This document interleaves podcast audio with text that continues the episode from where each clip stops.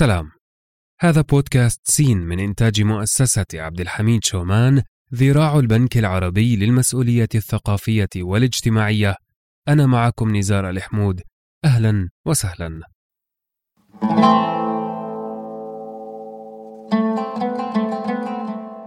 ضيفنا اليوم في بودكاست سين هو ابن خفاجة وهو أبو إسحاق إبراهيم بن أبي الفتح بن خفاجة ولد في سنة 450 هجرية في جزيرة شقر إحدى عواصم الأندلس. كان ابن خفاجة يعد أديب الأندلس وشاعرها وقد تفرد بالوصف والتصرف فيه ولا سيما وصف الأنهار والأزهار والبساتين والرياض والرياحين. فكان أوحد الناس فيها حتى لقبه أهل الأندلس بالجنان أي البساتين ولقبه الشقندي بصنوبري الأندلس. أقرأ على مسامعكم شعرا من ديوانه. لك الله من برق تراءى فسلما لك الله من برق تراءى فسلما وصافح رسما بالعذيب ومعلما إذا ما تجاذبنا الحديث على السرى بكيت على حكم الهوى وتبسما ولم أعتنق برق الغمام وإنما وضعت على قلبي يدي تألما وما شاقني إلا حفيف أراكة وسجع حمام بالغميم ترنما وسرحة واد هزها الشوق للصبا وقد صدح العصفور فجرا فهينما أطفت بها أشكو إليها وتشتكي وقد ترجم المكاء عنها فأفهما. تحن. ودمع الشوق يسجم والندى. وقر بعيني أن تحن ويسجما. وحسبك من صب بكى وحمامة. فلم يدرى شوقا أيما الصب منهما.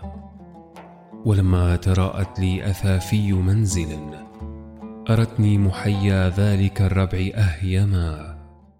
ترنح بي لذع من الشوق موجع.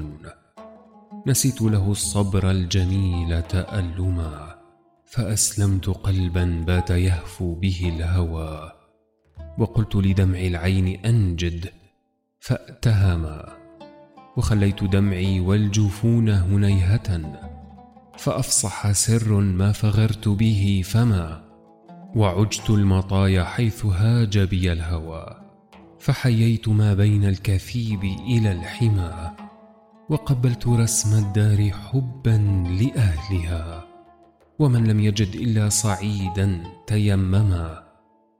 وحنت ركابي والهوى يبعث الهوى فلم أرى في تيماء إلا متيما. فها أنا والظلماء والعيس صحبة ترى ما بنا أيدي النوى كل مرتمى. أراعي نجوم الليل حبا لبدره. ولست كما ظن الخلي منجما.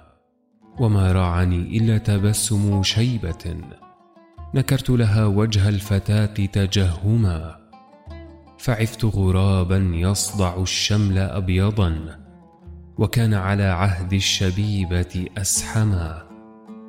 فآه طويلا ثم آه لكبرة. بكيت على عهد الشباب بها دما وقد صدئت مرآة طرفي ومسمعي فما أجد الأشياء كالعهد فيهما. وهل ثقة في الأرض يحفظ خلة؟ إذا غدرا بي صاحبان هما هما كأن لم يشقني مبسم الصبح باللوى.